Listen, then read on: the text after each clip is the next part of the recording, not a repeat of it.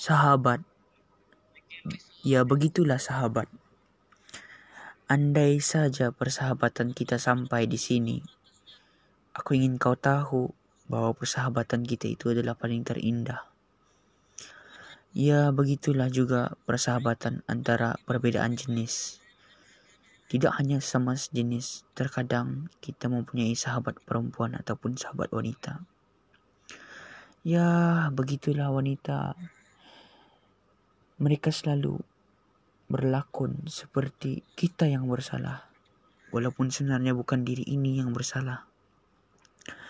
Aku pernah, aku pernah mempunyai perasaan terhadap teman wanitaku sendiri, walaupun akhirnya menyakitkan tapi sampai kini kami tidak bertegur sapa, tidak tahu mengapa dan tidak tahu kenapa. Namun yang penting dia berlakon seperti aku yang bersalah.